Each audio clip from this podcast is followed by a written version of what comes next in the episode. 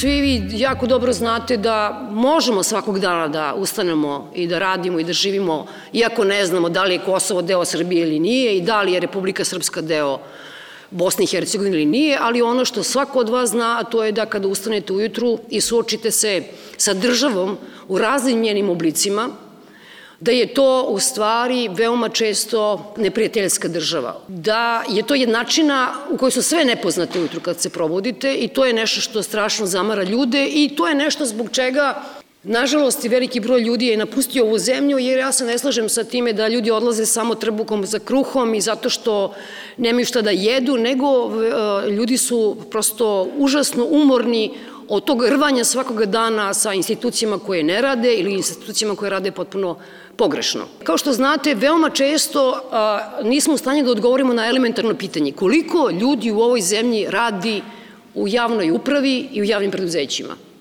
Govori se da postoji 450.000 ljudi u javnoj upravi i negde oko 150.000 ljudi u javnim preduzećima. Znate šta, to je 600.000 ljudi. Za svakoga ko hoće da dobije vlast u ovoj zemlji, najvažnije je da ima podršku tih ljudi.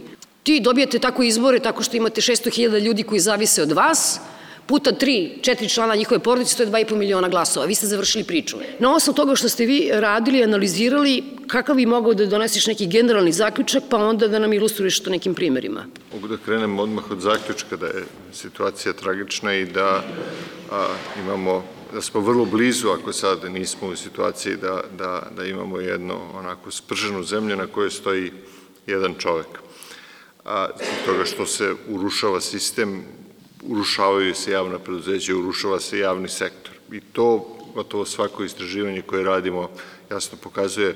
Borislav Pekić, onaj Borislav Pekić kome, kome je Aleksandar Vučić otkrio spomenik, a verovatno ga nije pažljivo čitao, jer da ga je pažljivo čitao, prelepio bi tablu sa imenom, ne bi mu otkrivao spomenike, jer je Pekić pisao o autokratijama i diktaturama, o obogaljenim institucijama, o neslobodnim medijima, kompromisima koji vode u moralni sunovrat. I među oslog ima jednu divnu belešku o državi koja radi protiv svojih građana. On kaže, koja je država dobra, ne znam, ali sasvim sigurno znam da nije ona, pa onda nabraja tih desetak odrednica i među njima kaže u kojoj je čutanje najrašireniji oblik javnog mišljenja, a obožavanje najrašireniji vid javnog delovanja ljudi su slobodni da obožavaju i autokrate i diktatore i, i, i, i filmske zvezde, ali čutanje o nepravdi, o korupciji, to je već a, jedan veliki problem i to je u stvari podmazivanje ovog zupčanika na, na, na, na to mehanizmu koji Srbiju gura, čini mi se sve dublje a, u ponori, koji ne mogu da zaustave pojedinačni izlivi a, besa na društvenim mrežama ili pojedinačni tekstovi na portalima ili par tekstova u nedeljnicima četvrtkom, jer ima i suviše onih koji su se zatvorili u mikrosvetove kao da će ih sve mimo ići i negiraju da postoji ovo s polja i oni koji su na kraju sve to a, prihvatili. I kad nabrojim sve te reakcije koje prepoznajete verovatno i, i, i u svom okruženju, onda to neodoljivo podsjeća na one četiri faze suočavanja sa smrću iz onog Kibler-Ross modela koji nam je poznat iz filma Sav taj džez. A, I čini mi se da se ovde nesumnjivo kroz te faze kroz koje prolazimo mi i ljudi oko nas suočavamo sa smrću institucija pravne države u kojoj padaju onako žrtve, nezavisna tela, pravosuđe, mediji, parlament, vlada, javna preduzeća, privreda. E, svi su oni već bili u knockdownu nesumnjivo, pre pet godina, ali onaj koji je običao da će da ih podigne sa poda, on ih je samo overio jer je to bilo lakše, onako hicam u glavu i postavio jedan simulakrum, jedan igrokaz u kome jedan čovjek stoji na sprženoj zemlji, a partija glumi sve ovo što više ne postoji. Pa imamo partijske firme koje glume privredu, ostali jedva opstaju, imamo partijsko, partijske sudije koji glume pravosuđe, ostali statiraju i crvene, imamo javna preduzeća predvođena partijskim ljudima koje glume da pružaju neke usluge građanima, a služe da zapošljavaju ljude, da skupljaju novac za partiju. I to zapošljavanje ljudi u javnim preduzećima, na primjer, da izdvojimo, to je jedna od, od, od ključnih stvari, a, zato što je to ili mehanizam kojim se ojačava struktura koja već postoji ili mehanizam koji se sve više ljudi uvlači u ovu mrežu, jer će sve više ljudi imati putera na glavi i sve više ljudi će se plašiti šta će se desiti ukoliko se uspostavi normalan sistem.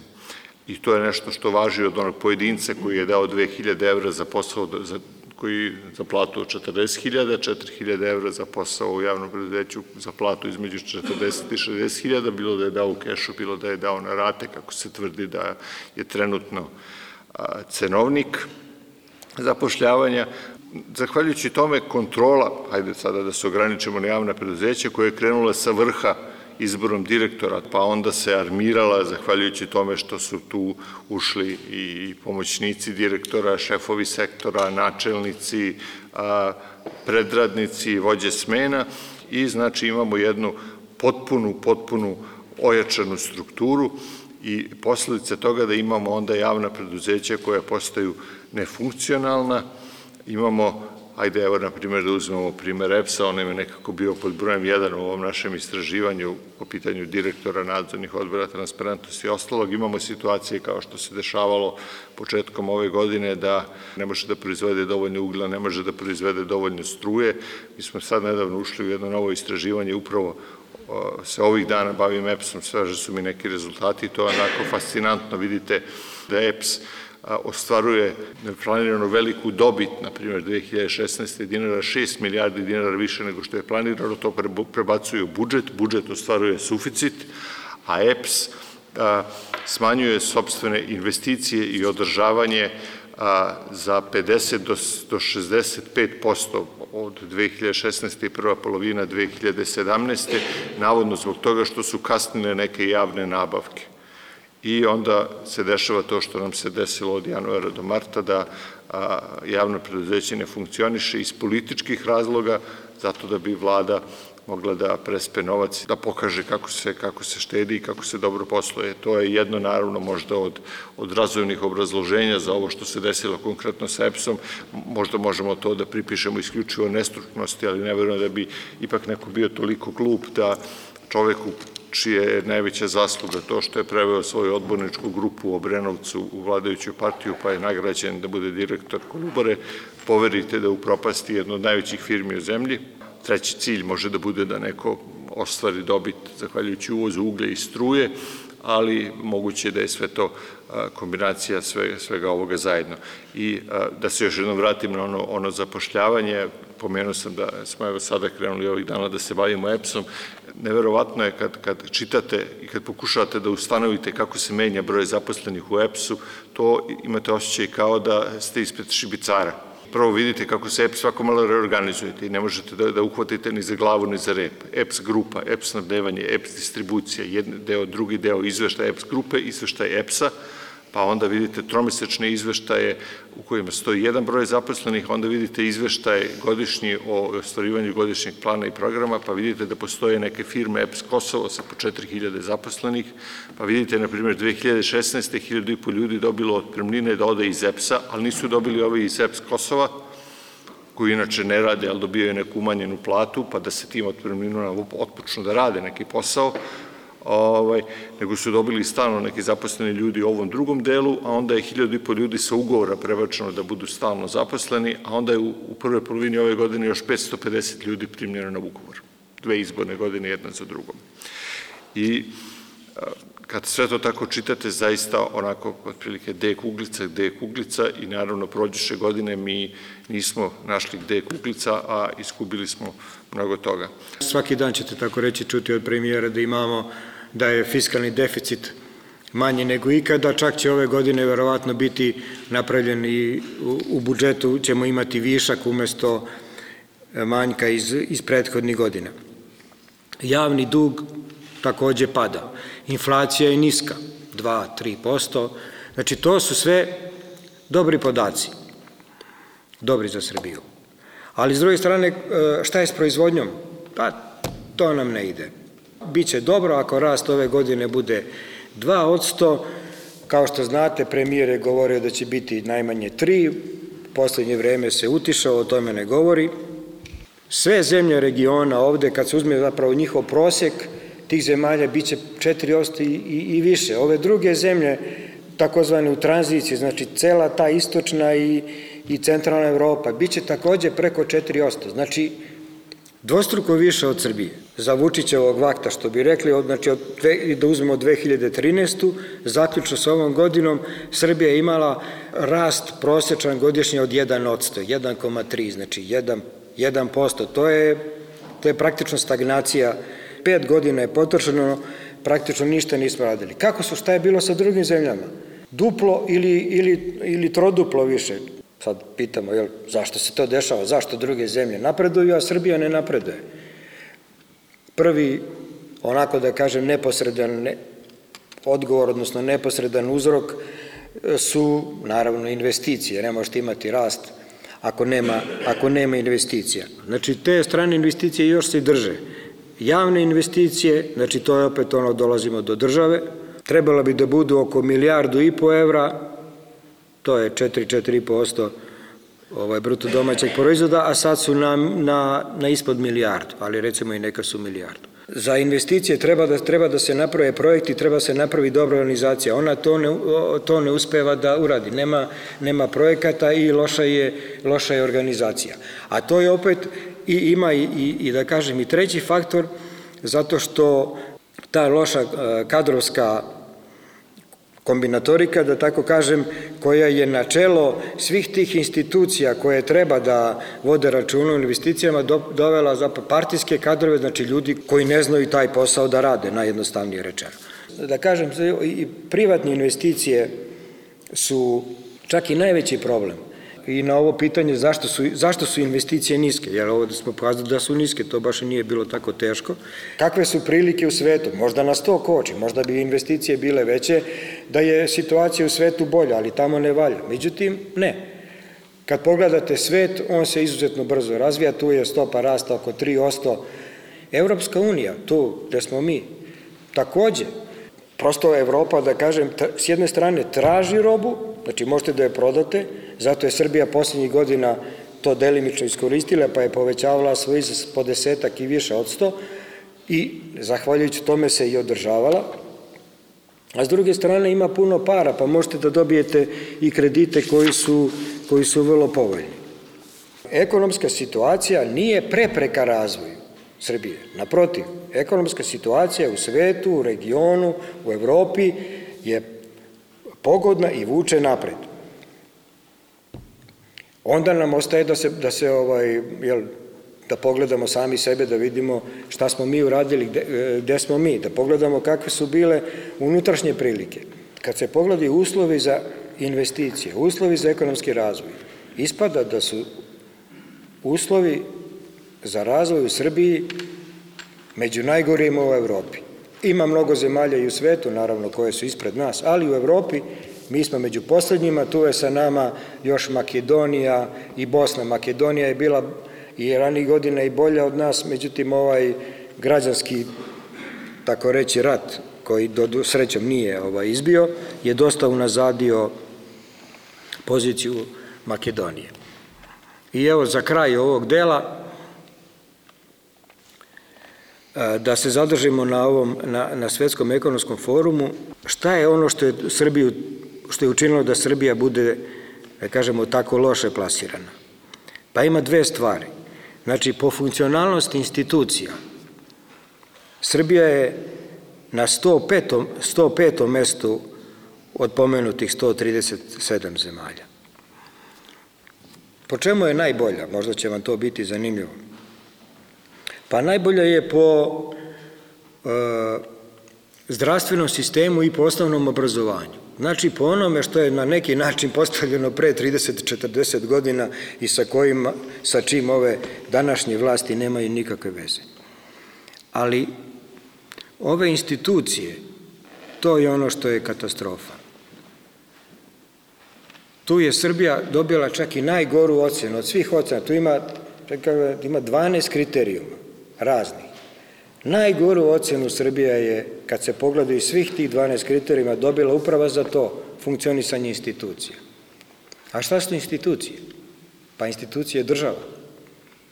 Kako funkcioniše vlada, da li, da li se, da kažem sad, meša u sve i svašta ili radi ono što je njen posao, kako funkcioniše pravosuđe, kako funkcionišu opštine, kako funkcioniše na kraju krajeva i EPS, iako nije, nije država u užem smislu reči, ali je velika državna kompanija. I tu se vraćamo na ono, na Sava Malu. Šta se desilo sa Sava Mala? Šta smo tu videli? Prvo, videli smo da tu nema nikakvih pravila oko toga. Znači, Sava Mala je potpuno jedan sistem koji je izdvojen iz pravnog sistema Srbije. Mi ne znamo, na kraju krajeva, šta piše u tom ugovoru o izgradnji Beograda na vodi. Znači, to imamo jedan potpuno nepostojanje pravila, odnosno ili voluntarizam, a mogli bi da kažemo, tako vesno, i neko pravno nasilje. I pored, šta imamo pored tog pravnog nasilja? Imamo korupciju ogromnu, pošto to nije moglo da se desi bez, bez učešća nekih ljudi u vlasti u tome, i na kraju imamo i fizičko nasilje. Ko će da dođe u, u zemlju u kojoj se stvari takve dešavaju, osim onih koji budu, da kažem, posebno privilegovani, odnosno na neki način podmićeni, i to je ona korupcija, jel? koja dolazi sad sa najvišeg mesta. Nije tu korupcija, imamo korupciju u, u opštini ili ne znam u nekom javnom preduzeću, u komunalnom preduzeću. Ovo je ona najgora vrsta korupcije. To je korupcija države na, naj, na najvišem mestu na, na mestu najviše koncentracije vlasti.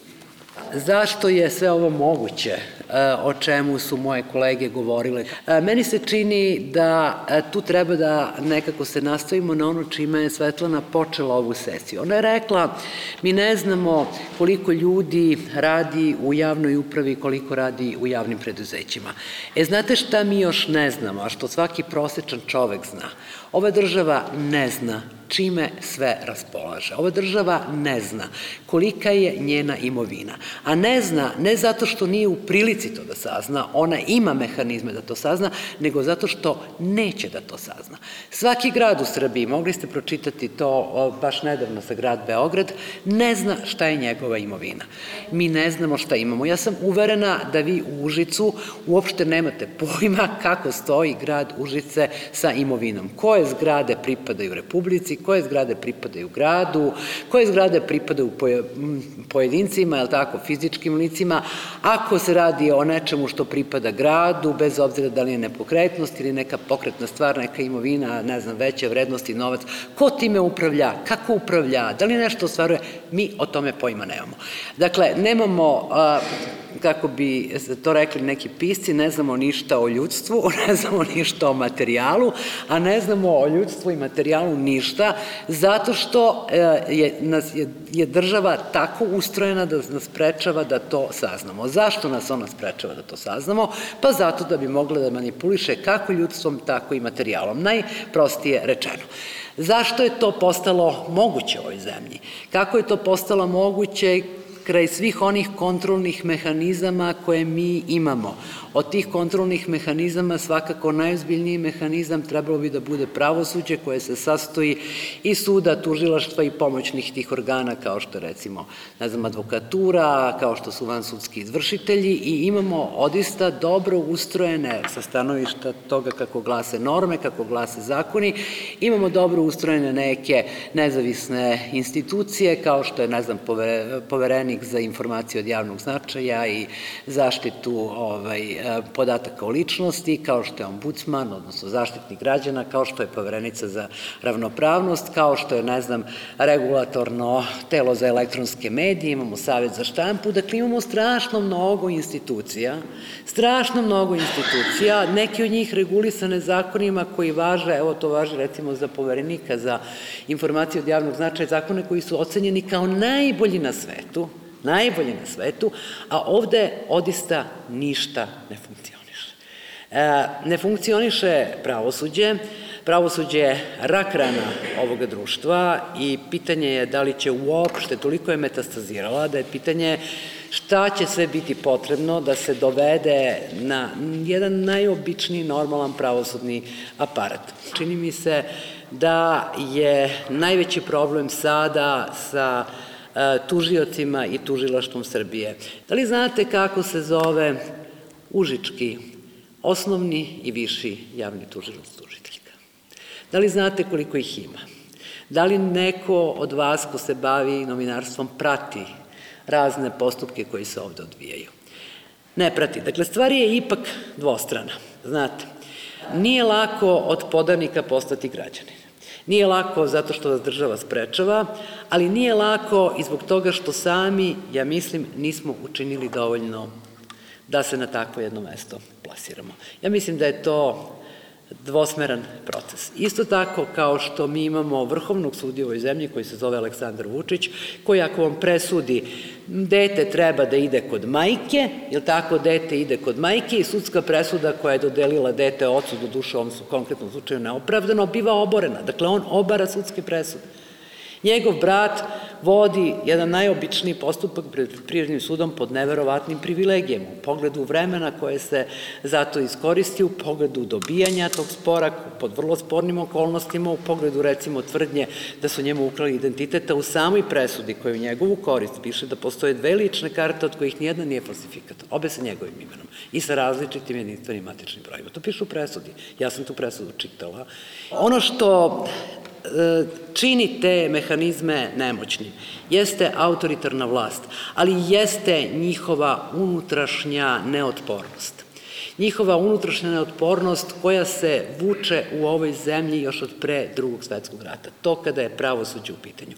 Kada su državni činovnici u pitanju i kada je u pitanju javna uprava, da li odista mislite da će kursevima koje sprovede neko ko ništa ne zna o ovoj zemlji, je tako, da će nekako uspeti da edukuje javne službenike. Ja sam to probala da radim. Radila sam jedno vreme u Institutu za uporedno pravo. Početkom 2000. godina smo napravili pokušaj edukacije službenika u javnoj upravi. Oni su se ponašali kao đaci kada učitelj ne dođe u školu. Niko nije došao na tu edukaciju.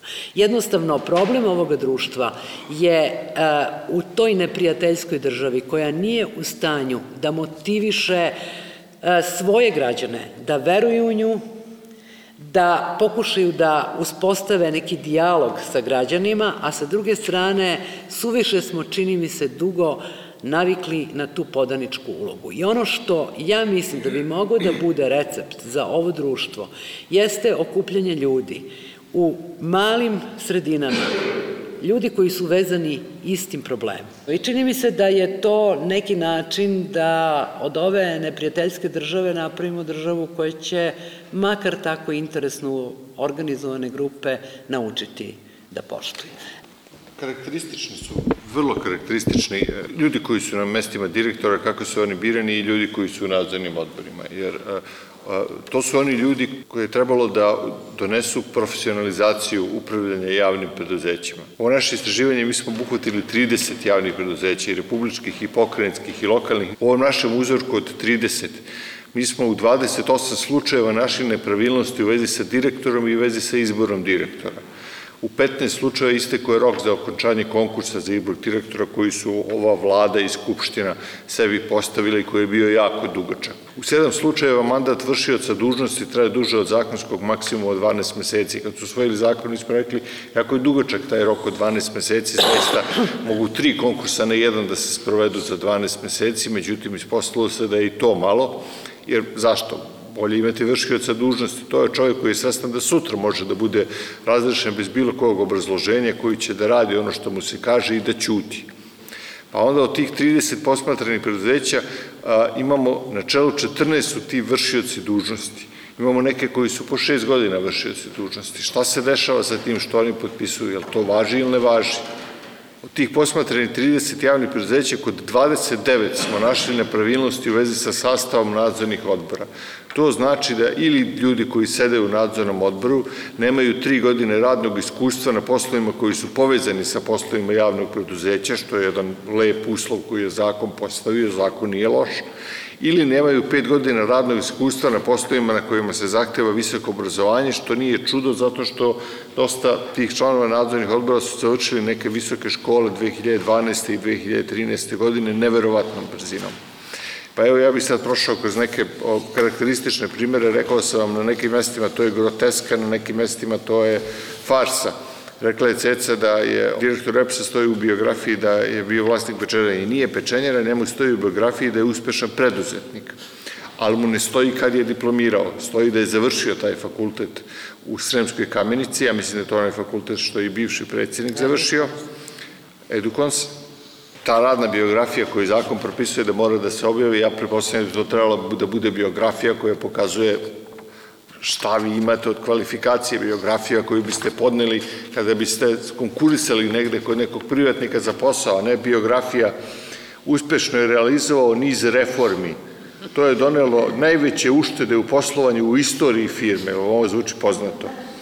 Pa onda, na primjer, Srbija gaz Dušan Bajatović, ovaj, tu je recimo prilično sporno koliko traje njegov mandat, četiri godine ili pet godina, kad je biran 2012. pre onog, pre zakona, tu nikad nije ni raspisan konkurs, a, tad je po zakonu moglo pet, onda je promenjen statut da može četiri, čovjek je ostaje u pet i po, a umeđu vremenu recimo Nikola Petrović Kum, on je nakon četiri godine ustvrdio da je njemu istekao mandat i on se povukao sa mesta direktora elektromreže, prepustio je svoje saradnici koja je postala VD direktora, a za njega takođe nikada nismo saznali da li je imao opšte odgovarajući uslov da postane direktor, zato što i u njegovoj biografiji se ne vidi ništa, takođe ta biografija, da vidite, sredinom 90-ih živao je u Švajcarskoj gde se bavio poslovima uvoza, izvoza i prodaje sirovina iz Afrike.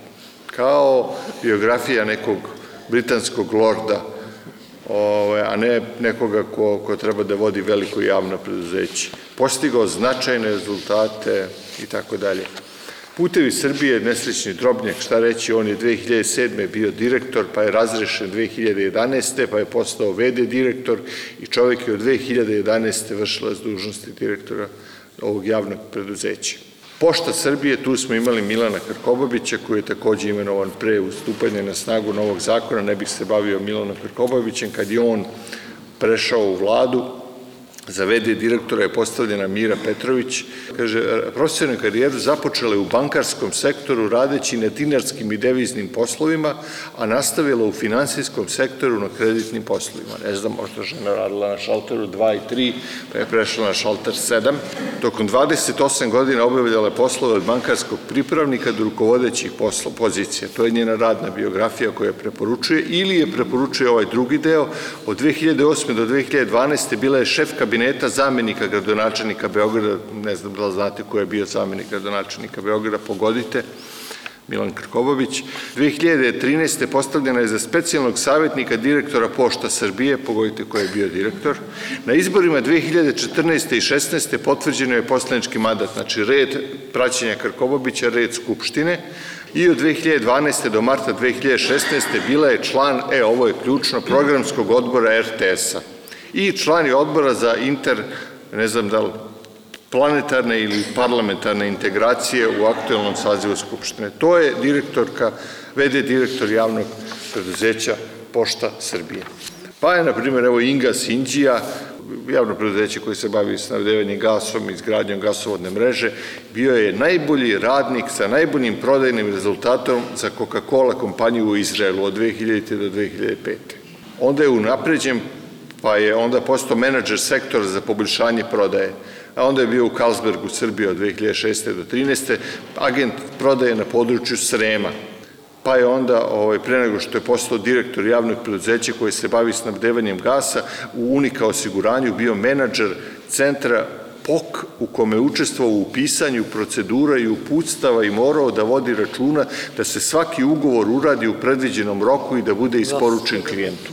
Pa Sima Vramović, profesor retorike, on je u nadzornom odboru Pošte Srbije, dekan pravnog proglasio je Vučića najboljim studentom u istoriji, pa imamo jednog matematičara u, u ovoj nadzornom odboru Skijelišta Srbije koji je autor knjige Kako da pobedite na izborima.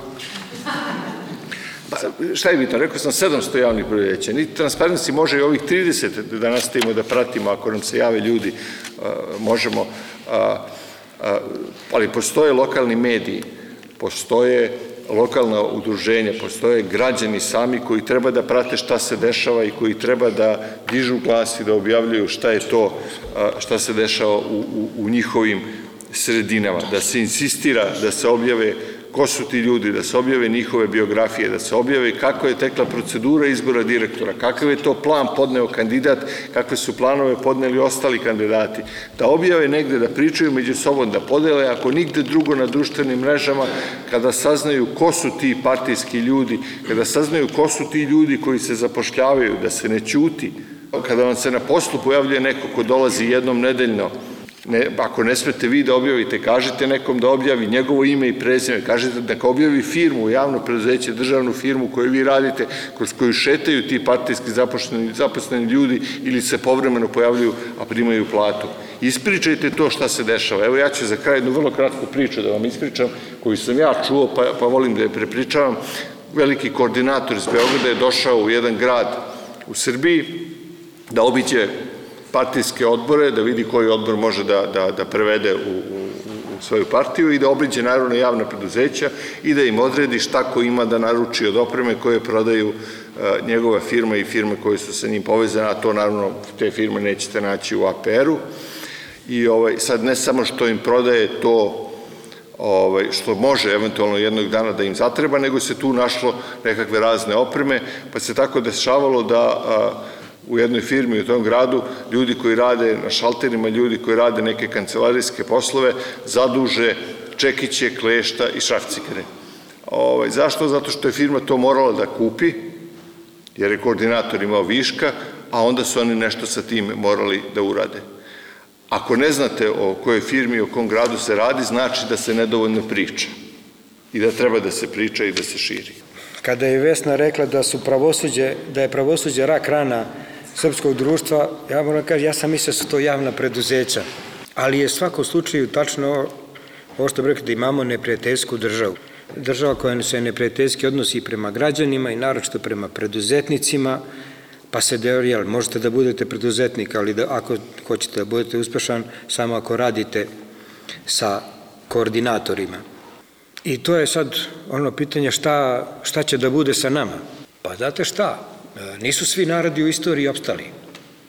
Znači, ima naroda koji su propali.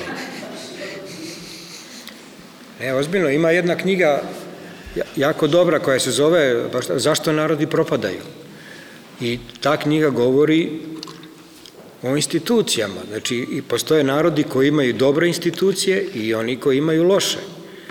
Dobre institucije se još zovu takozvane uključujuće, znači one institucije koje su koje u društvene i ekonomske procese, u političke procese uključuju najveći broj ljudi, znači naj, učestvuje 60, 70, 80% stanovništva, učestvuje u tim procesima, to su demokratska društva. Imate takozvane isključujuće institucije, znači isklju, koje isključuju najveći broj ljudi iz ekonomije, isključuju najveći broj ljudi iz politike i šta se dešava kad i jednom društvu imate te, sad kako oni kažu, ekstraktivne, ali dobro, isključujuće ekonomske institucije, pa se one udruže sa isključujućim političkim institucijama, onda se to zove ukleta spirala. Vi se vrtite u toj spirali koja vas vuče na gore. Ja se bojim da je Srbija u ukletoj spirali, jer kao neće to valjda nama da se desi. Ali Nažalost, onda se setim da smo tako mislili i 90-ih. Kako smo mislili, pa ovo sve ljudi liči na rat, ali nisu, nisu valjda ovi naši političari ljudi, pa da nas uvedu u rat. I uveli su nas u rat. I nije uopšte, kako ne bi bilo iznenađenje da nas uvedu u ukletu spiralu, u kojoj ćemo mi da se vrtimo na, na kraju Evrope i sveta još narednih 100 godina a naša deca neće da se vrte, naša deca će da odu odande odakle se ne vraćaju. Ja ću reći još nekoliko podataka koji će vam možda biti interesantni. Naprimer, Srbija je, kada gledamo države Saveta Evrope, 49 država, Srbija je među njima osma država po broju sudija na 100.000 stanovnika. I ima, boga mi, jedan impozantan broj sudija a, zajedno sa San Marinom, to ćete se čuditi, Hrvatskom, Slovenijom, to su države koje imaju najveći broj sudija na 100.000 stanovnika. Međutim, Srbija je na trećem mestu po efikasnosti pravosuđa, od pozadi. Znate, dakle, 46. mesto. Sa tolikim brojem sudija i tolikim brojem tužilaca vi imate jedno od najneefikasnijih pravosuđa u Evropi. Dakle, nije tu stvar u neznanju, nije odlučujuća, nije u neznanju, nije tu stvar u lenjosti, to je stvar u nedostatku organizacije i u nespremnosti da se suočite sa odgovornošću biti sudija. E, videli ste da je jedna od devijacija pravosuđa u ovoj zemlji zastarevanje krivičnog progojna. Naravno, to zastarevanje krivičnog progona ni prema kome u ovoj sali neće nastupiti, ja vam dobro stojim. Ali će nastupiti ako ste vladika, ako ste predsednica Skupštine, prema njoj je nastupilo zastarevanje krivičnog, ako ste sin bivšeg ovaj predsednika Srbije, ako ste njegova žena, ako ste brat sadašnjeg predsednika Srbije, to će naravno, to je ta privilegisana elita koju na jedan nedostojan način, zaista nedostojan način štiti jedan deo pravosuđa u ovoj zemlji. Da li ćemo upasti u tu tvoju spiralu ili nećemo, ja mislim da ne sme da zavisi samo od onih koji upravljaju ovom državom. Ako mi to njima dopustimo, e pa onda možemo da idemo i na gore mesto nego što je spirala. Znate, niti je ovo srednji vek, niti su oni neki nasledni vitezovi, niti e, su išta bolji od ljudi koji žive, niti imaju bilo kakve zasluge za ovu zemlju, da se razumemo koje zasluge za ovu zemlju ima guvernerka, koje zasluge imaju pojedini ministri, pa ne vidim da baš imaju neke zasluge, a glavna zasluga onih koji su najviše je u tome što nam vređaju, podsmevaju nam se i drže nas budalama, zapravo i običnim čoporom. Tako da e, to zavisi u vrlo velikoj meri od nas, a ne samo od njih. E, a ako to shvatimo, možda ćemo neko dete zadržati ovde. I evo, idemo na neke konkretne primjere. Ja sam čula danas da je recimo u Užicu osnovano jedno novo javno preduzeće i da je osnovana jedna institucija kulture, pretpostavljam da svi znate o, o, o kojim se institucijama radi. Da li vam je bolje nego što je bilo pre osnivanja tih institucija? Je vam bolje ili nije? Da li uopšte znate da su te institucije osnovane? Znate koji je rezultat osnivanja tih institucija, bar prema onom što sam ja čula? 20 zaposlenih više, tako, na nekoj vrsti budžeta, dakle 20 zaposlenih koji mi svi zajedno treba da izdržavamo. E pa, ako to dozvoljavamo, ako o tome čutimo, što bi rekla Svetlana, ako je dobro, onda ništa. da, nije nam dobro i onda mora da bude svašta. Oni moraju da znaju da nam nije dobro, zašto nam nije dobro i šta od njih tražimo. A ne znam.